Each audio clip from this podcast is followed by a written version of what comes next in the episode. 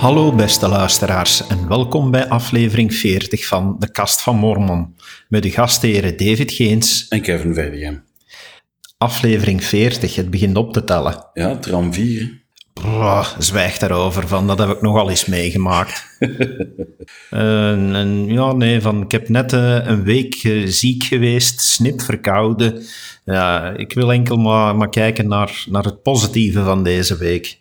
Ja, maar dat is dan niet positief. 45 zijn nog leven. Ja, dat is positief, maar die tram 4, dat klinkt zo negatief. Ja, dat is waar. Nee, van, dit, dit, voor mij is het al echt een leuke week geweest. Van, ik heb een aantal dingen rondgekregen, wat eh, mijn eigen plekje terug kunnen inrichten. Dus zo, ja, er zijn een aantal dingen die, die meevallen in mijn therapie. Ik kan terug meer vingers bewegen. Echt zo, deze week is voor mij een leuke week. En ik wil dat gewoon zo houden. En al wie dat daar eh, dreigt verstoring aan te geven, wel, die mag vertrekken. Goed, laat er ons een lap op geven. Ehm, er zijn een aantal nieuwtjes die we straks voor onze luisteraars hebben.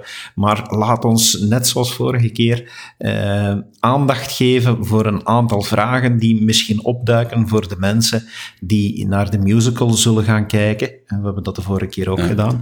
En we hebben Book of Mormon musical. ja, de Book of Mormon musical. En we hebben voor deze keer twee vragen geselecteerd die toch wel heel vaak naar, eh, naar voren komen eh, bij bezoekers van die musical. En de eerste is van, eh, leefde Jezus Christus ooit in Amerika? Want Ja, in het liedje staat er letterlijk de USA. ja, ja, dat staat inderdaad zelfs letterlijk in het liedje. Want laat dat al een eerste deel zijn van het antwoord. Christus heeft nooit in de Verenigde Staten ehm, zomaar rondgelopen of verschenen. Allee, behalve dan voor openbaringen aan eh Jozef Smit in de begindagen van de kerk. Maar los daarvan heeft hij niet ooit in wat de Verenigde Staten waren eh, geleefd. Hè? Nee, maar we moeten inderdaad wel zeggen, wel in Amerika. Wel in Amerika. Ehm, alhoewel het mij niet helemaal duidelijk is of dat nu Noord- of Zuid-Amerika was op dat moment. Daar, ja, dat blijft sowieso een probleem algemeen met de geografie van het Boek van Mormon, vind ik. Daar wordt nogal in rondgetrokken, er worden nogal in verschillende gebieden gewoond. Je kan moeilijk zeggen waar welke stad en, en welk gebied nu echt overeenkomt. Ik heb heel vaak de indruk, maar nu ben ik echt een persoonlijke titel aan het spreken, dat als je gaat zoeken naar ja, naar overeenkomsten, dat je min of meer uitkomt op Latijns-Amerika, Ja. Midden- en Zuid-Amerika. Ja, ze spreken soms van de, de, de smalle landstrook die het grote gebied ten noorden verbond. Kunt je wel inbeelden dat je ergens in Mexico, ten zuiden van Mexico en zo zit. Ja, er, er zijn andere dingen ook qua cultuurhistorische voorwerpen die, die zeggen van oké, ja, je ziet dat dan toch weer later terugkomen bij de Azteken en de Incas. Dus Ja. ja, maar dat is archeologie en Ze hebben daar nog nooit zo'n bordje hier start bebouwde kom Zarahemla tegengekomen. Hè? nee, nee. ehm, ja, ze hebben dat duidelijk weggehaald om de een of andere reden, waarschijnlijk bouwovertreding of zo. Ehm, maar dus even terug naar de vraag. Heeft, laat ik ze anders formuleren, is Jezus Christus ooit in Amerika geweest? Ja, ehm, in het boek van Mormon staat dat heel mooi omschreven. Dan kan je dat lezen vanaf derde Nefi, hoofdstuk 11. En dat is eigenlijk een heel mooie omschrijving van hoe Christus na zijn dood en opstanding in, in Jeruzalem verschenen is aan ja, zijn andere volkeren, waaronder dus ook de, ehm, de mensen in Latijns-Amerika. Ja, dus het is qua tijd te situeren na zijn opstanding, Na zijn opstanding. maar inderdaad. voordat hij ten hemel gevaren is. Ja, inderdaad. Het is zo dat ehm, Christus tegen zijn apostelen ook al had gezegd van kijk, ik heb andere eh, schapen die niet van deze kudde zijn, hen moet ik ook nog gaan bezoeken. Ik parafraseer nu wel, maar ehm, hij verduidelijkt dat dan ook in het boek van Mormon, waar dat hij zegt van kijk, jullie waren de mensen waar ik over sprak. Ja, dus het is wel degelijk, die, die uitspraak dat je doet, die staat in de Bijbel. Hè? Die staat in de Bijbel. Dus dat Vraag is- me niet waar, ik zou het moeten opzoeken. Oké, ik weet het nu ook niet van buiten, maar het is, het is zo van dat je in de Bijbel heel duidelijk aangeeft van ja, kijk, ik kan niet altijd hier zijn, ik moet inderdaad ook naar andere schapen gaan. En die andere schapen, dat zijn dan de volkeren die nog altijd in hem geloven en die zich in, laat ik het dan maar algemeen noemen, de Amerika's bevinden. Ja, alhoewel ik vermoed dat het niet alleen tot dat beperkt was.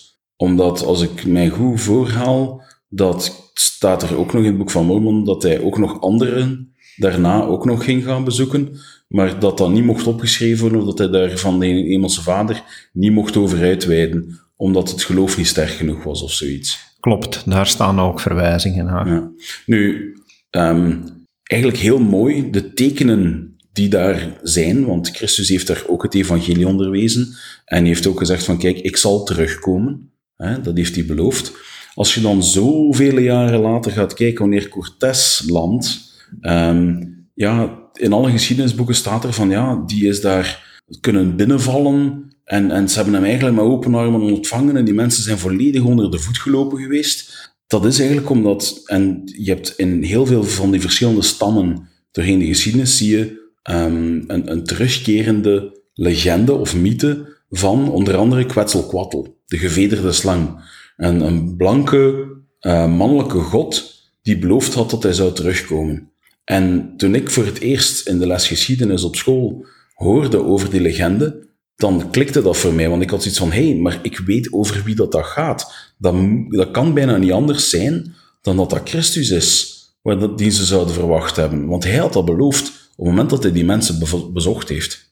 Klopt. Dus daar, daar staat toch ook alweer een heel sterke eh, aanwijzing in de archeologie, eh, waar we wel over beschikken, dat dit verhaal Waar wel degelijk klopt. beschikt, bedoel je? Ja. Ja, waarover dat we wel degelijk beschikken van, ja, dat, dat, er, dat er inderdaad in, in de oude cultuur in eh, Latijns-Amerika, dat er de legende leefde van een terugkerende god.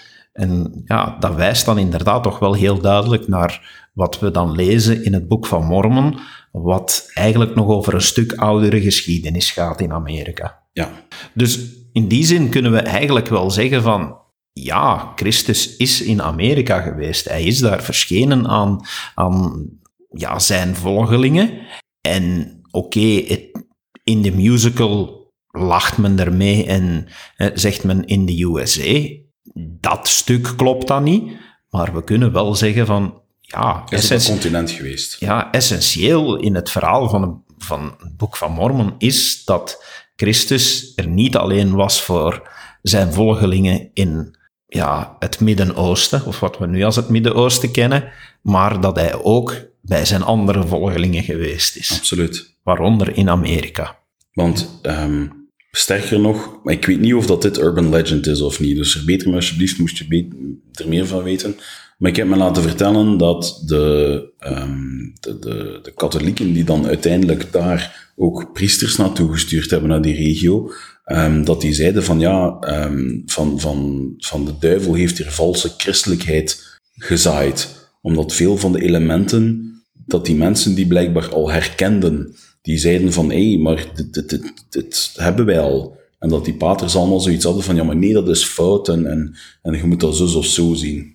Ik, weet, ik weet niet of dat de urban legend is. Ik kan het ook niet bevestigen of Maar het zou me ontkennen. niet verbazen in ieder geval.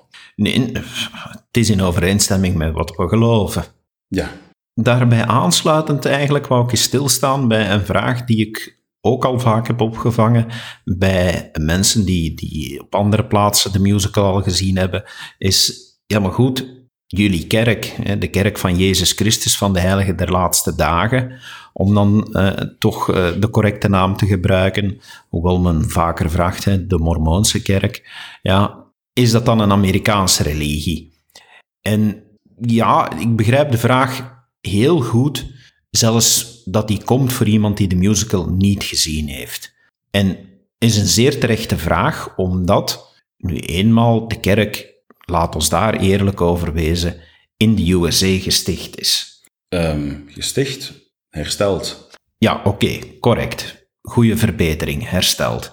Want het is uiteindelijk een herstelling van de oorspronkelijke kerk van Jezus Christus. En de kerk heeft nog steeds zijn hoofdkwartier in Salt Lake City liggen, in de Verenigde Staten. Ja. Maar, voor zover ik weet, zijn er op dit moment wel al meer leden die buiten de Verenigde Staten wonen dan daarbinnen.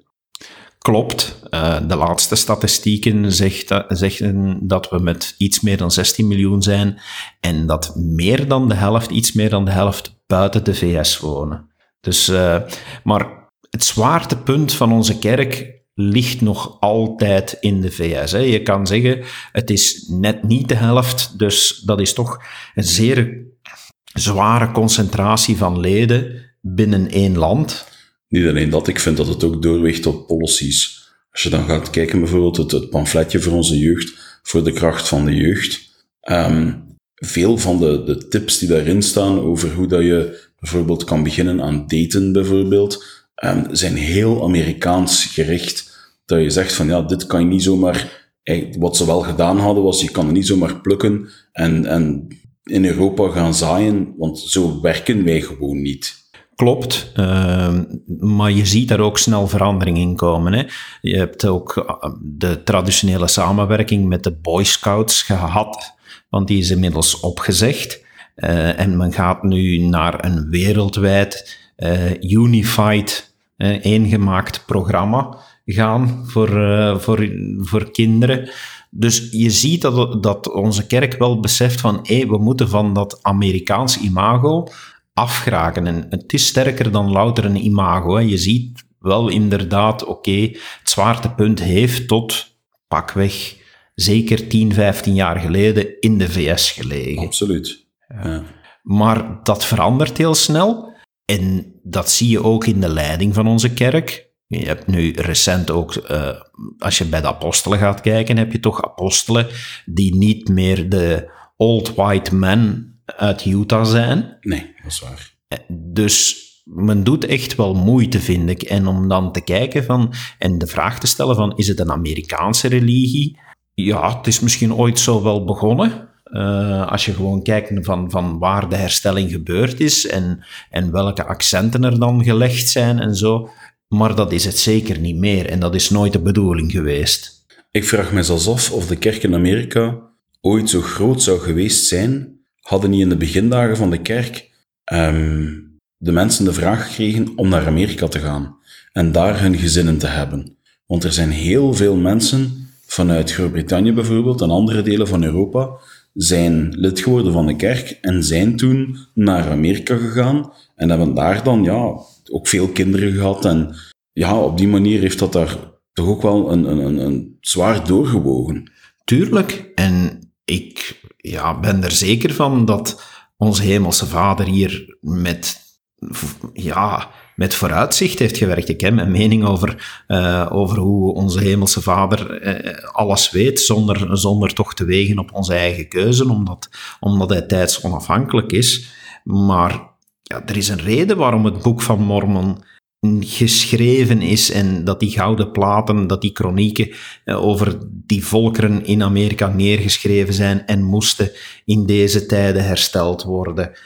En waarom net daar, in, in het gebied wat later de Verenigde Staten zijn geworden, ja, je moet ook rekenen dat dat op dat moment bij uitstek het gebied was waar mensen naartoe gingen om vrijheid te hebben van vervolging, van religieuze vervolging. Dat was toen een van de meest liberale staten ter wereld. Omwille ook van ja, het, het, het, het, mindere, de mindere inmenging van de overheid op dat moment. Ja, dat was hier in onze contrain veel meer ingebakken.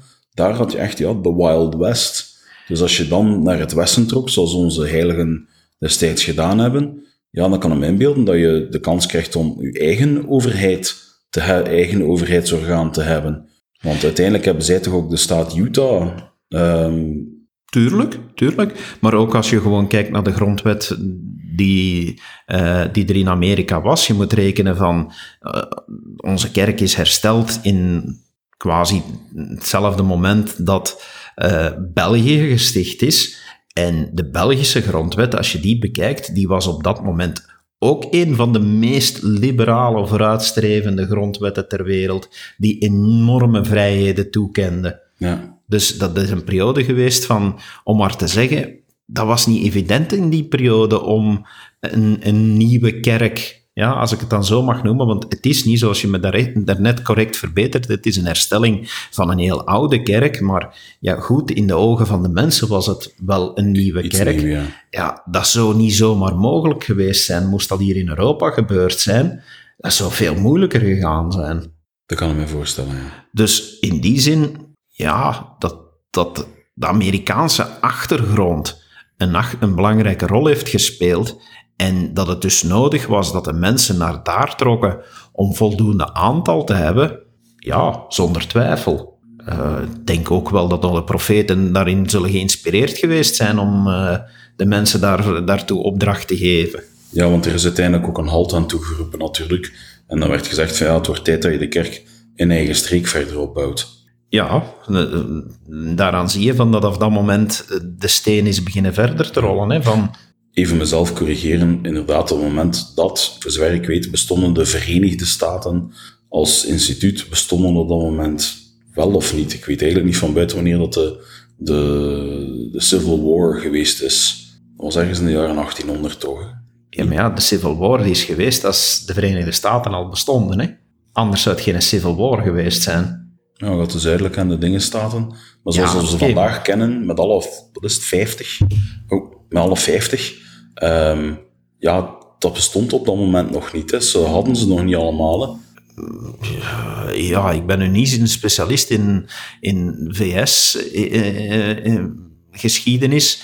welke staten wel en welke niet. Maar ik denk dat ze toch allemaal al wel eh, bij de Statenbond aangesloten waren. Want anders is het geen burgeroorlog. Een burgeroorlog is per definitie een interne oorlog.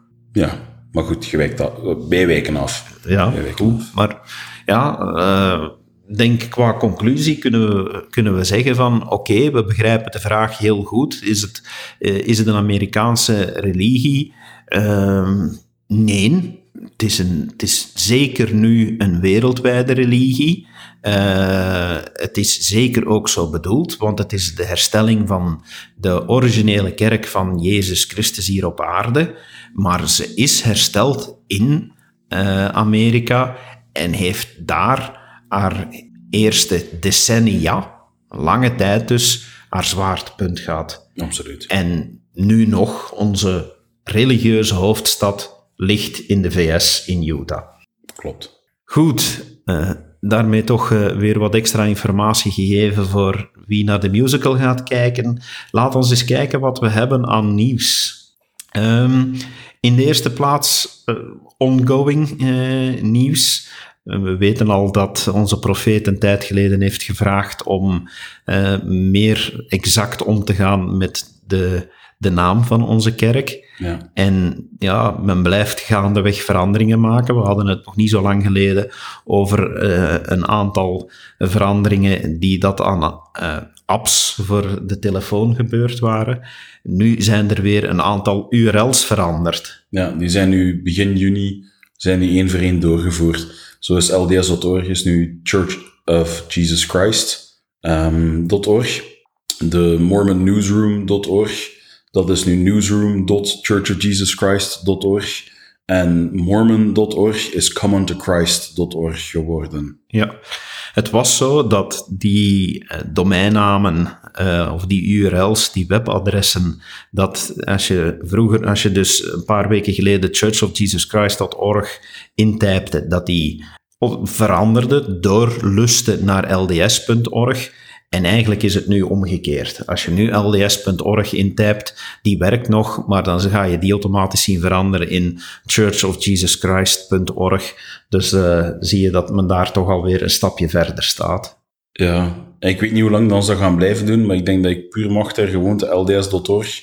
Dat is veel rapper ingetypt dan churchofjesuschrist.org. Als ik weet dat die toch doorloopt, denk dat ik mezelf er toch op zou betrappen van LDS.org te blijven typen. Wel, ik moet eerlijk zijn dat ik er daar straks even bij stilstond eh, in voorbereiding van deze podcast en ik een aantal dingen nog aan het opzoeken was op de website, dat ik toch ook maar lekker aan die LDS begon te typen. Van.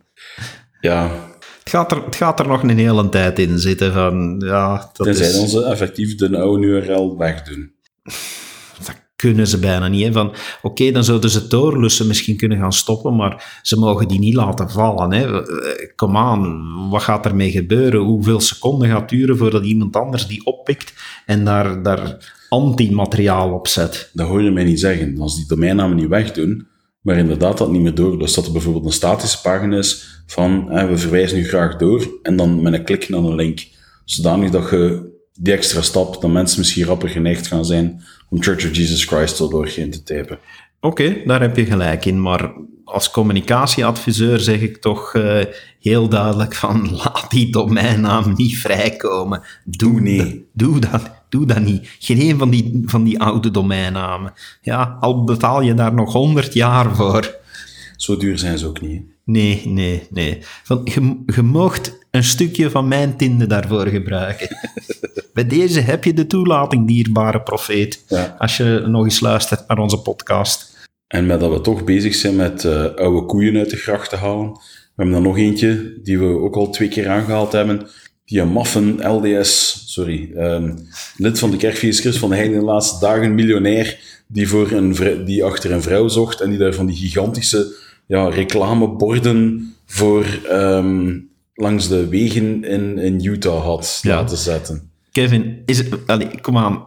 Inmiddels is die datum door. Hou ons niet langer in spanning. Was het nu echt? Mij is het eigenlijk nog altijd niet duidelijk, want er is toch heel veel twijfel over of dat het wel echt was. Het, het is inderdaad ongelooflijk. Hè? We weten het dus nog altijd niet. Hè? Eh, Wat we wel weten is dat dat... eh, ja, Er zijn een paar foto's verschenen. Hè? er zijn wat foto's verschenen. Dat, dat, dat, dat bureau dat erachter zit, zegt dat er 2500 eh, inzendingen waren. Ehm, je hebt wat, wat foto's die, die verschenen zijn van, eh, van de 20 vrouwen die uiteindelijk geselecteerd waren. Waren het knappen? Ja, eigenlijk wel. Ja, ja, ja, ja. Ik zou toch ook niet nee zeggen om ze een keer eens te leren kennen. Hè? Maar, maar ja, langs de andere kant dan... Je Misschien ziet, dat uw vrouw daar wel iets op tegen heeft. ja, ik zeg niet nu, niet nu niet meer van... Ja, ik ben gelukkig getrouwd van... Kom aan, maar moest ik, moest ik in mijn twintiger jaren als vrijgezel... Ja, die, die zouden wel eens mogen zeggen van... Kijk, met u wil ik eens op een date gaan. Ja, snap ik. Ja. Ja, ja. Eh, maar ik vind die foto van die miljonair dan... Wat, wat, belachelijk is dat dan, dan Hij weer? staat er dan achter een of ander gordijn, dat zo halfslachtig. Ja, voor de, de big reveal. Ehm, ik heb het nu niet goed gezien, maar komt hij zelf überhaupt in beeld uiteindelijk? Denk het niet, hè? Nee, nee. Eh, hij komt niet in beeld en, en daar zie je dan...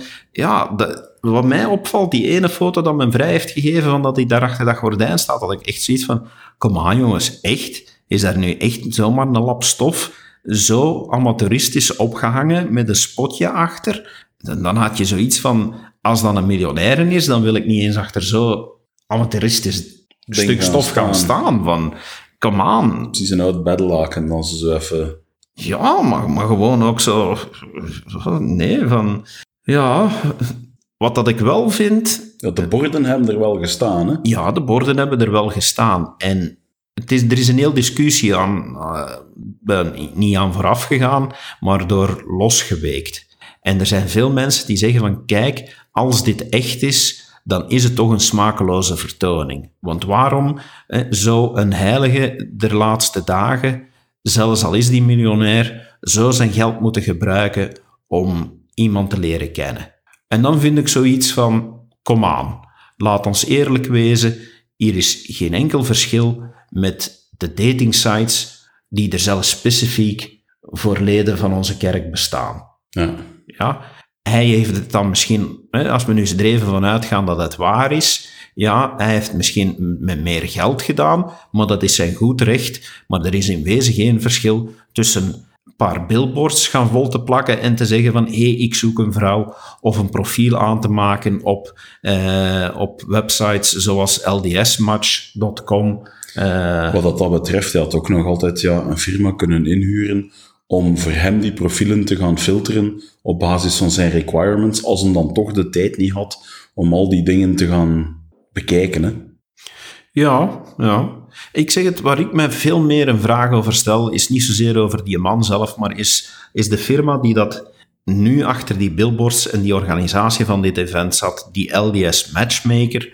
Ja, ik vraag me af, is dit niet gewoon een goedkope reclamestunt? Misschien maar, heeft je daarvoor wel korting gehad. Ja, langs de andere kant, als het een goedkope reclamestunt was, had er dan ook zo vooruitgekomen inmiddels, want nu heb ik zoiets zo van te open einde. Ja, ja het, is, het, is, het heeft zeker zijn... Um, ja, nou goed, misschien hebben we er al te veel over gezegd. Uh, uh, ik kan niet zingen. Wilt jij even eindigen met Can't Buy Me Love van de Beatles? Um, Can't Buy Me Love, Love. Ja, oké, okay, goed. Laat maar. Uh, van Kevin gaan we over naar Paus uh, Franciscus. En ja. die gaat niet zingen. Nee, die gaat niet zingen. Pas op, die zingt waarschijnlijk wel regelmatig. Ja, ik heb geen idee of dat hij mooi zingt, zingt of niet van. Geen idee. Nu, um, die wil eigenlijk iets veranderen in de Bijbel. Eigenlijk heeft hij dat gedaan. Ja, ja inderdaad, hij heeft het gedaan. En um, we gaan nu niet langer in spanning houden. Hij heeft ja, de Lord's Prayer, het Onze Vader, zoals dat wij dat in onze regionen kennen, heeft daar een uh, belangrijk stuk in laten veranderen. Daar stond vroeger en leidt ons niet um, in verleiding. Wat was het? Ja, ja, en, ja, leidt ons niet, uh, leidt ons niet in verleiding. Leidt ons niet in verleiding. Wat eigenlijk zo wat het beeld weergeeft van, goh, weet je, um, Hemelse Vader, eh, verleid ons alsjeblieft niet. En Paus Franciscus haalt terecht aan van, ja maar nee, verleiding dat komt van Satan. Dat is niet, dat is niet God die dat gedaan heeft en hij heeft het laten veranderen in, zeg eens David? Wel, hij verandert het nu van en, en laat ons niet in verleiding vallen. Ja. Dus het, het, wordt in, in die zicht, in, in dat opzicht gesteld als van de verleiding komt van ergens anders, zoals je terecht zegt. En er wordt hulp gevraagd aan God om niet in die val te trappen. Ja. Nee, dat is iets dat ik altijd raar gevonden had aan dat gebed. dat klopt toch niet? Nu, in mijn jongere jaren had ik er nog niet bij stilgestaan dat natuurlijk onze, uh, de, profeet van de herstelling, Jozef Smit, die heeft ook ja, een, een, zelf ook een vertaling gemaakt van het Nieuw Testament. Um, nu, wij gebruiken die samen bij de Bijbel, want wij hebben um, zeker in het Engels de King James vertaling van de Bijbel, zoals dat die in heel veel christelijke kerken ook gebruikt wordt. Maar met dat verschil dat wij bij de voetnoten of, of achteraan, als het grotere stukken waren, veranderingen in vertaling aangeduid hebben. Nu, wat blijkt, Jozef Smit die had dat toen ook al vertaald naar iets dat er toch wel heel hard op lijkt. Ja, die, die, had, die had ook al daarbij geschreven van... Hij had hij had eigenlijk net dezelfde redenering gemaakt. Hè, van, hij had uh, ook gezegd, en iets wat heel duidelijk, wat wij als heiligen der laatste dagen heel duidelijk stellen, van als het eh, aan de vruchten van de boom kan je de boom herkennen. Ja. En ja, zijn het goede vruchten, dan komt het van God. Zijn het slechte vruchten, dan komt het uh, van de duivel. En de vertaling van Jozef Smit in het Onze Vader is ook van, en laat ons niet, uh, ja, hoe moet je het nu eigenlijk gaan vertalen? Uh, van laat ons niet leiden door in verleiding te komen. En daar zie je toch ja, ook... Suffer us not. Maar dat vertaal je iets te letterlijk. Dat is effectief van, laat het alsjeblieft niet toe. Nee, maar ik wou het nu even letterlijk vertalen om het, om het te benadrukken dat ook daar het, het, het, heel duidelijk laat zien van wie is het actieve element. Mm ja? En het is de mens die om hulp vraagt om niet in de verleiding van de duivel te vallen. Inderdaad. En, nu, het was voor Paus Franciscus ook niet zoiets van theologisch klopt het niet. Hij had ook gezegd van die vertaling klopt er niet. Dat is eigenlijk een heel slechte vertaling.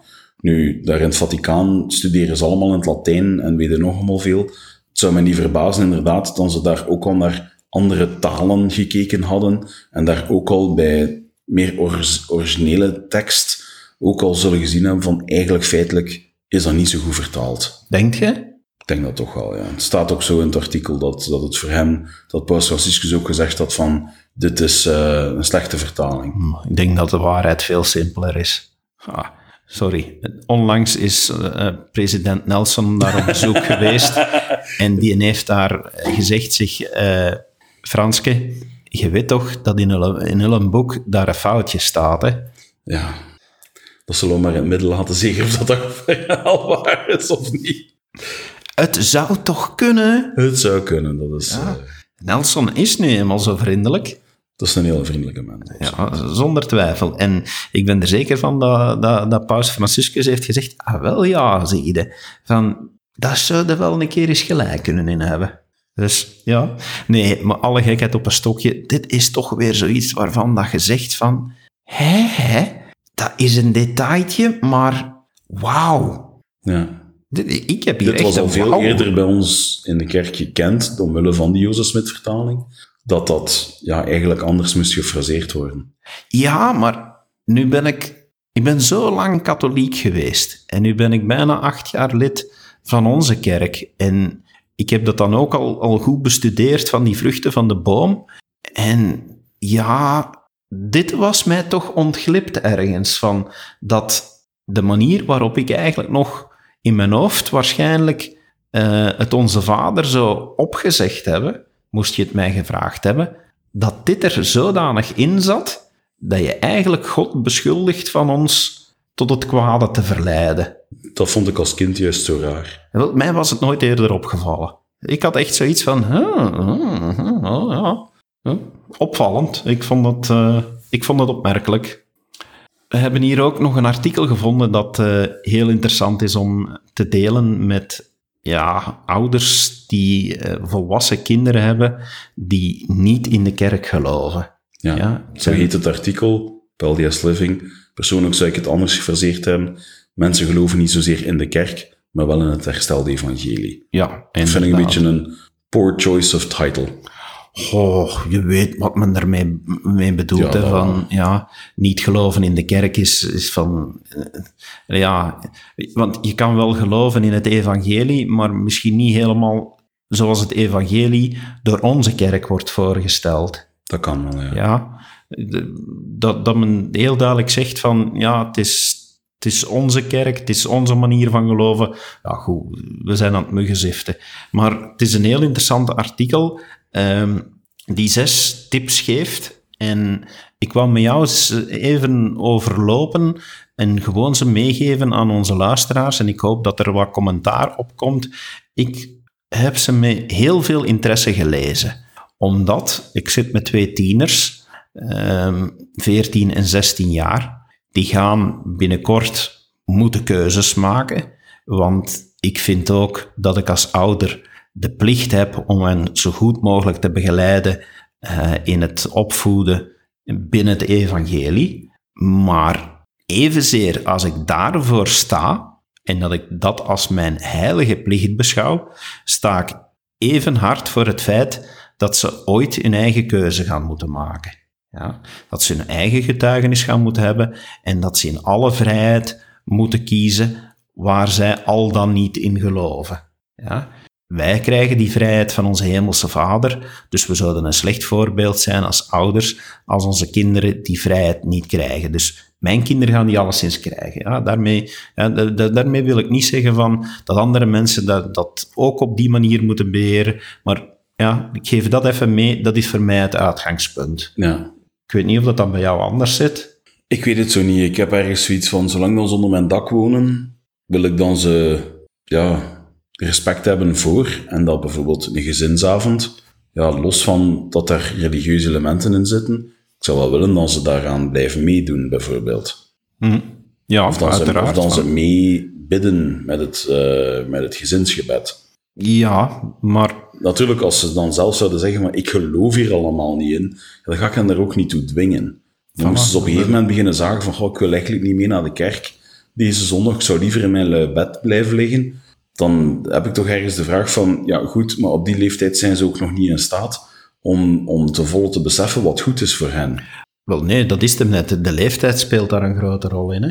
Maar ja, daarmee ook van dat hier het artikel gaat heel duidelijk over volwassen kinderen. Dus laat ons nu, nu er even van uitgaan van dat dit kinderen zijn die ruim de leeftijd van 18 jaar voorbij zijn, of ze al dan niet nog thuis wonen of niet meer thuis wonen. Ja, en ja, je wordt daarmee geconfronteerd, kinderen die zeggen, pa, ma, ja, ik geloof in heel die toestand niet meer. Ja. Dan zes heel simpele tips om daarmee om te gaan. Want ik kan me toch inbeelden dat er behoorlijk wat ouders zijn die dat daarmee uh, sukkelen. En dit artikel geeft, uh, geeft toch wat een handleiding. Eén, eerste tip, ja, uh, begin niet te preken. Nee, zo een donderpreek afsteken, dat helpt niemand. Dat probeerde ik, terwijl ik op zending was, ook constant te doen. Niemand heeft iets aan een monoloog. Um, het is één ding om, om vol van de geest uw getuigenis te geven, om, om, een, om iets te onderwijzen. Maar ja, een donderpreek afsteken, zoals dat mijn ouders al beschreven hebben, dat er in hun jeugd, toen zij nog naar een andere kerk gingen, wel alles gebeurde. Um, ik denk dat dat compleet averechts werkt. Dat, dat probeerde ik ook altijd. Als ik bijvoorbeeld, ik zeg maar wat, ik klop dan op iemand zijn deur, die zei van, jongens, het spijt mij, het interesseert mij niet. Ik zou geaffronteerd kunnen gereageerd hebben. Ik zou kunnen gezegd hebben van, ja, wel, weet je wat, eh, kust mijn gat, bij wijze van spreken, um, steekt, het, eh, steekt, steekt wat de zon niet schijnt en weglopen. Allee, wegstappen. Dat deed ik niet. Ik, ik vroeg van, ah, geen probleem, is er ander iets, anders iets bijvoorbeeld waar ik jou mee kan helpen? Want wij doen graag aan dienstbetoon. Um, is er iets waar je hulp bij kan gebruiken? Los van of dat we hier een, een, een boodschap komen brengen of niet. En dat meende ik dan ook, want ik was bereid om dat te doen. Maar het geeft mensen een veel fijner gevoel over waar je voor staat, dan als je begint te preken. Ja, zelfs niet vanuit liefde. Van als je denkt van, ja, maar ja, ik wil hier dat eeuwige zin. Ze gaan verloren gaan en ik moet hen redden. Je gaat het niet doen door, door donderpreken te geven. Absoluut dus, niet. Ja, dus uh, dat als eerste tip. Tweede tip, luister en probeer te begrijpen. Ja, ik denk, dit is gewoon algemeen een tip in ja, goed ouderschap. Hè.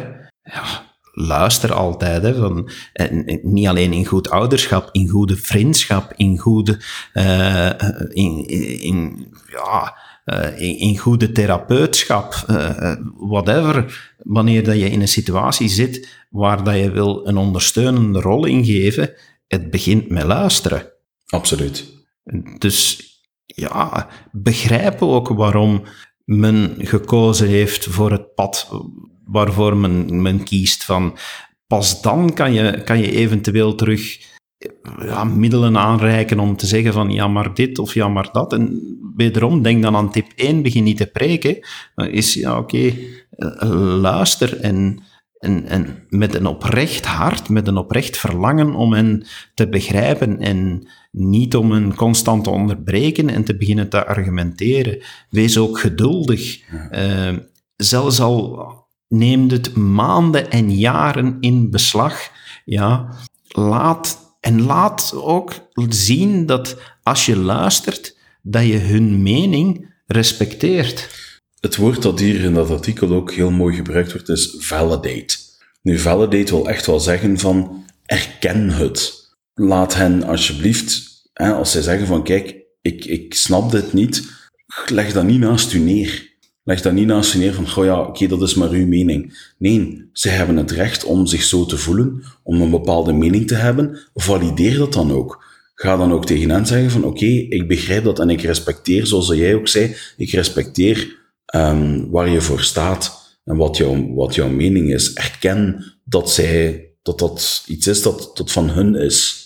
En wuif dat niet weg als van ja, maar je bent toch verkeerd. Ja, en dat brengt dan automatisch tip nummer drie. Ga heel actief om met positieve benadering. En ga dus niet gaan, te snel gaan labelen en zeker geen natieve uh, labels van. Uh, ga dus zeker je kind niet uh, anti-mormoons noemen en gaan beschuldigen van te veel op anti-mormoonse websites te zitten. Zo van jij afvallige. Of ja, afvallige of jij ongelovige of... Heiden. ja, nee, hè, gewoon no, hè, no, no, no go there. Hè, van, ja, dat, dat, dat is echt, ja, uh, Jezus Christus heeft dat ja, heeft, heeft ons eigenlijk de les geleerd van dat je met liefde moet zijn voorbeeld volgen en niet met afwijzing. Dus meteen dus, ook punt 4, accepteer en, en, en hou van hen compleet, totaal, volledig. Maar dat is ook zo. Hè, van, ik heb en ik heb het daar al eens over verteld, hè, van, maar mensen vinden het altijd nodig om die vraag te stellen van, als ze horen van, dat ik uh, lid ben van de kerk van Jezus Christus van de Heilige der Laatste Dagen, en dan, en diegenen die het wat volgen, die, en die snappen dan van, oké, dan ben je lid van een christelijke kerk, dus ja, je volgt de christelijke moraal over, ja, huwelijk en zo meer. Dan komt men nogal eens met de vraag af van, zeg, en wat ga je doen als je zo'n homo is? Ja, ga je hem buiten smijten? Nee. Waarom zou ik dat doen? Niet. Dat is mijn zoon. En ik ga daarvan houden. En ja, dat is het belangrijkste. En, het, het, breekt mijn hart, al de verhalen die ik al gehoord heb, van mensen die zeiden van, ja, hè, ik, ik ben uit de kast gekomen, als het ware, en mijn ouders hebben mij verstoten. En ik zoiets van, het blijft toch uw kind? Natuurlijk. Zelfs al, wat, allee, ik, ik, Moest mijn zoon nu socialist worden? Ik zou het daar ook heel lastig mee hebben. Ja, ja, ja. Nu, nu zijn we echt grenzen aan het verkennen. Maar ik zou toch nog altijd van hem houden als mijn zoon. Tuurlijk. En ja, die liefde is, is gewoon totaal. Aan die liefde verandert niks ten opzichte van uw kinderen. Van, of dat ze nu roken of drinken of ja, Weet je, je gaat wel een bezorgd hebben als ouder en, en je gaat dat soms ook wel blijven uiten. En, en, ja, maar dat doet niks aan de liefde af. en dan moet je altijd blijven duidelijk maken van. En ook daar, ik denk dat dat. Weet je, dat, dat moet soms een moeilijk evenwicht zijn, hè, van, om nu naar een heel ander uh, punt over te stappen. Maar een kind dat, dat in ernstige problemen zit, ja, dat moet als ouder soms heel moeilijk zijn, een heel moeilijke balans zijn, om geconfronteerd te worden met een kind dat voor problemen zorgt en of in een problematische situatie zit, maar toch hou je daarvan. Ja, dat is niet makkelijk. Dat is niet makkelijk. Dus ook, uh, ja, dat was tip nummer vier. En ja, tip nummer vijf komt eigenlijk neer op waarmee ik begonnen ben, om te zeggen van, ja, Hemelse Vader geeft ons vrije keuze. Dus wie zijn wij om dan de vrije keuze van onze kinderen te gaan beknotten? Inderdaad, en, laat ons gedenken dat onze Hemelse Vader van al zijn kinderen houdt. Christus gaf dat voorbeeld heel goed door met mensen te gaan eten bijvoorbeeld, waar dat de fariseeën, de schriftgeleerden in een tijd, enorm op, op, op neerkeken. Hè? Want van, zie een keer, die gaat met een tollenaar gaan eten en van die toestanden. Um, ja, het is Christus gaf zelf dat voorbeeld, hè. Hou, hou van de, de zondaar. Uh, hou van iedereen. Ja, inderdaad. En dan de laatste tip uh, is, ja, denk ook aan jezelf, hè. Het is ook voor jezelf, ja. ja. het is misschien een beetje raar naar, naar die andere tips van, maar het is normaal dat als zoiets gebeurt, dat je ook moeilijke periodes gaat kennen. Ik denk dat heel veel ouders in die situatie zich de vraag zullen stellen van, wat had ik anders moeten doen in die opvoeding? Van, uh, of wat moet ik nu zelfs nog anders doen? Eh, daar is misschien zelfs gewoon geen antwoord op. Hè? En gun jezelf de tijd om, om te rouwen en om pijn te voelen. En aanvaard dat op die vraag misschien geen antwoord is. Maar anderzijds, er is ook volgens mij geen nood aan om tegen je kind te zeggen van zie eens hoe moeilijk dat jij het mij maakt. Ja, die kinderen die weten dat wel. Die weten dat het u kwetst, met de, dat hun keuze u kwetst. En jij blijft nog altijd de ouder, zelfs al zijn ze 40 en ben jij er ondertussen 70. Ja, een, een ouder blijft een ouder en ja, blijft in, in altijd, denk ik, de rol waarnaar dat ze opkijken. Het blijft toch je kind, hè? Het blijft toch je kind. Goed, um, Beste luisteraars, laat ons alsjeblieft eens weten wat je vond van deze tips en of dat jullie het handig vinden dat we zulke dingen ook proberen bespreekbaar te maken. Uh, we zouden graag een aantal verhalen ook horen van jullie die misschien uh, hiermee te maken hebben en nog wat uh, aanvullende praktische tips kunnen geven. Ik denk dat dit toch wel een onderwerp is waar wat reactie kan opkomen. Dus we staan daar zeker voor open. Ja. We gaan nog eens naar het buitenland, Kevin. Naar nog een oude koe. Een oude koe? Ja, dit hebben we ook al eens aangehaald. Ja, ah, ja, ja, op die manier. Van, ik, ik dacht nu van, ja, ja oké, okay, ja. beste luisteraars, dit, dit heeft nu even verduidelijking nodig. Van, als Kevin en ik zo'n podcast opnemen, dan zitten we op het scherm te volgen. Hè, we, onze, onze informatie printen we niet uit, omdat we milieuvriendelijk willen zijn. Dus zitten we op een scherm te volgen en zit ik hier door bepaalde dingen door te klikken. En ik klik hier net en er verschijnt een apostel in beeld. En Kevin spreekt op dat moment het woord oude koe uit. Ja, dus... Elder... Nee, het gaat over Kuwait. Ja, oké, nu heb ik hem door, maar daarnet had ik zoiets van, hè, Elder Koek? Koe?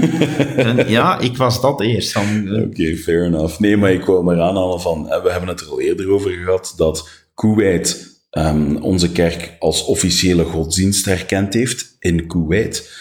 Um, en nu is daar um, Elder Cook, zoals hij jezelf al aanhaalt, is daar langs geweest om um, toch wel extra te gaan bedanken. Ja, en fijn dat dat, dat allemaal kan. En uh, wel, ik heb in dat artikel één ding zien staan dat ik dacht van, ah, en daar had ik zoiets van, zou men het daarvoor gedaan hebben? Onze kerk is blij en, Wacht, gaan wij olie beginnen ontginnen of zo?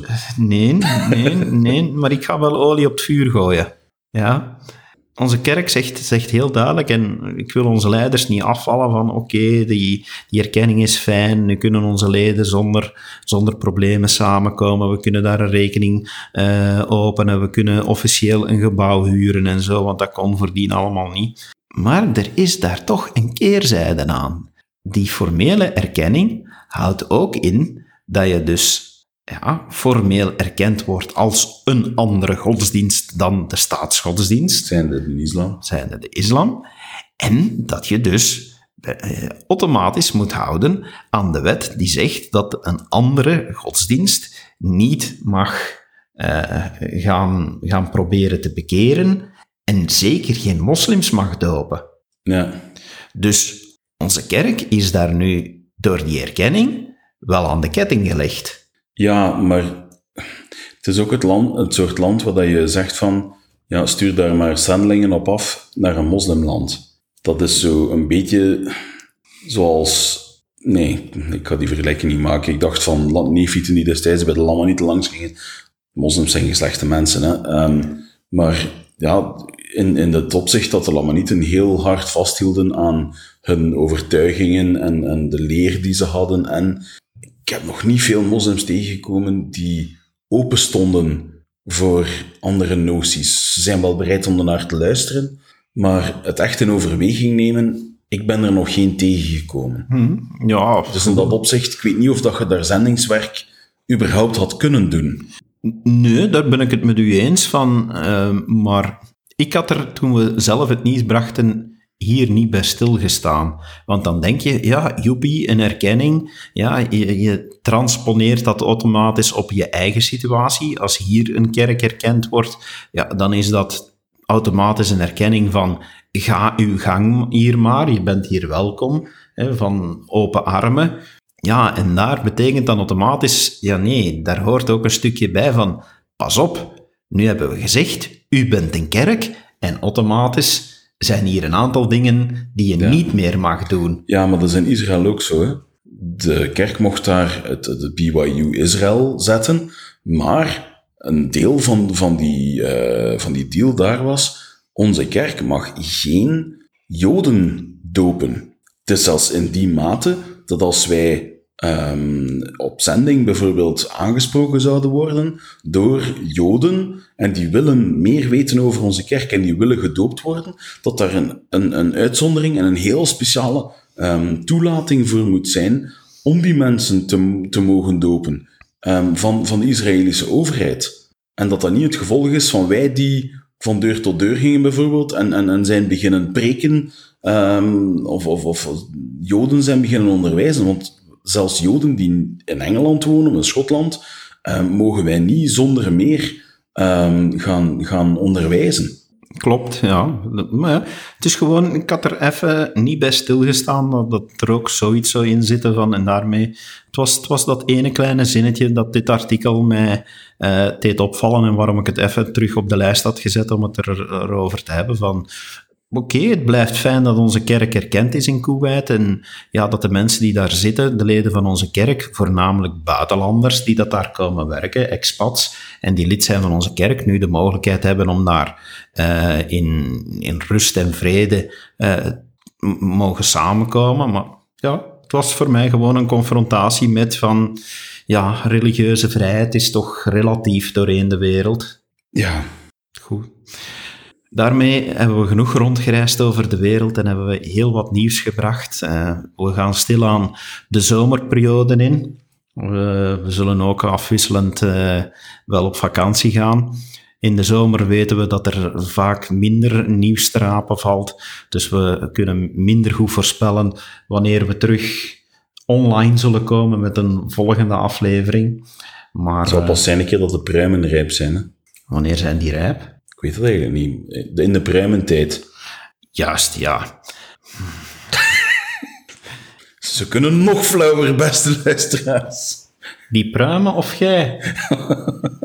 Uh, ja, oké. Laat ons proberen met een positieve noot af te sluiten van uh, beste luisteraars, uh, uw verhalen zijn nog altijd welkom. Jullie vragen ook van, we merken dat ons publiek nog altijd blijft groeien, waarvoor dank. Waarschijnlijk is het ook dankzij jullie medewerking, dus blijf ons zeker aanbevelen bij anderen. Het is... het is de beste manier om ons te bedanken. stuur uw vragen ook maar door. Dat kan via e-mail op zeg het maar at dekastvanmormon.info of op welke andere manier Facebook. Um, spreek ons aan als je ons op een conferentie ziet of zo. Um, of gewoon, uh, ja, je kan ons op zoveel manieren bereiken. We zouden eigenlijk zo eens moeten beginnen om, om proberen de ringpresidenten zover te krijgen dat we zo'n standje mogen hebben op ringconferenties. Hè? Een standje op ringconferenties, ja. In de gang zo kast van Mormon. En wij zitten daar dan zo tegen elkaar gepakt met zo'n micro in het midden zo. Ja, live, live broadcasting. Live en... broadcast. En zo commentaar geven op een zijn toespraak zo. Ja, ja, uh, ja, wel, beste luisteraars, help ons uw, uw ringpresident te overtuigen. Dat komt niet goed. oh jawel, heb er vertrouwen in, Kevin. Uh -huh. Goed, uh, laat ons hierbij afsluiten en we zeggen tot binnenkort. Ach. Nach.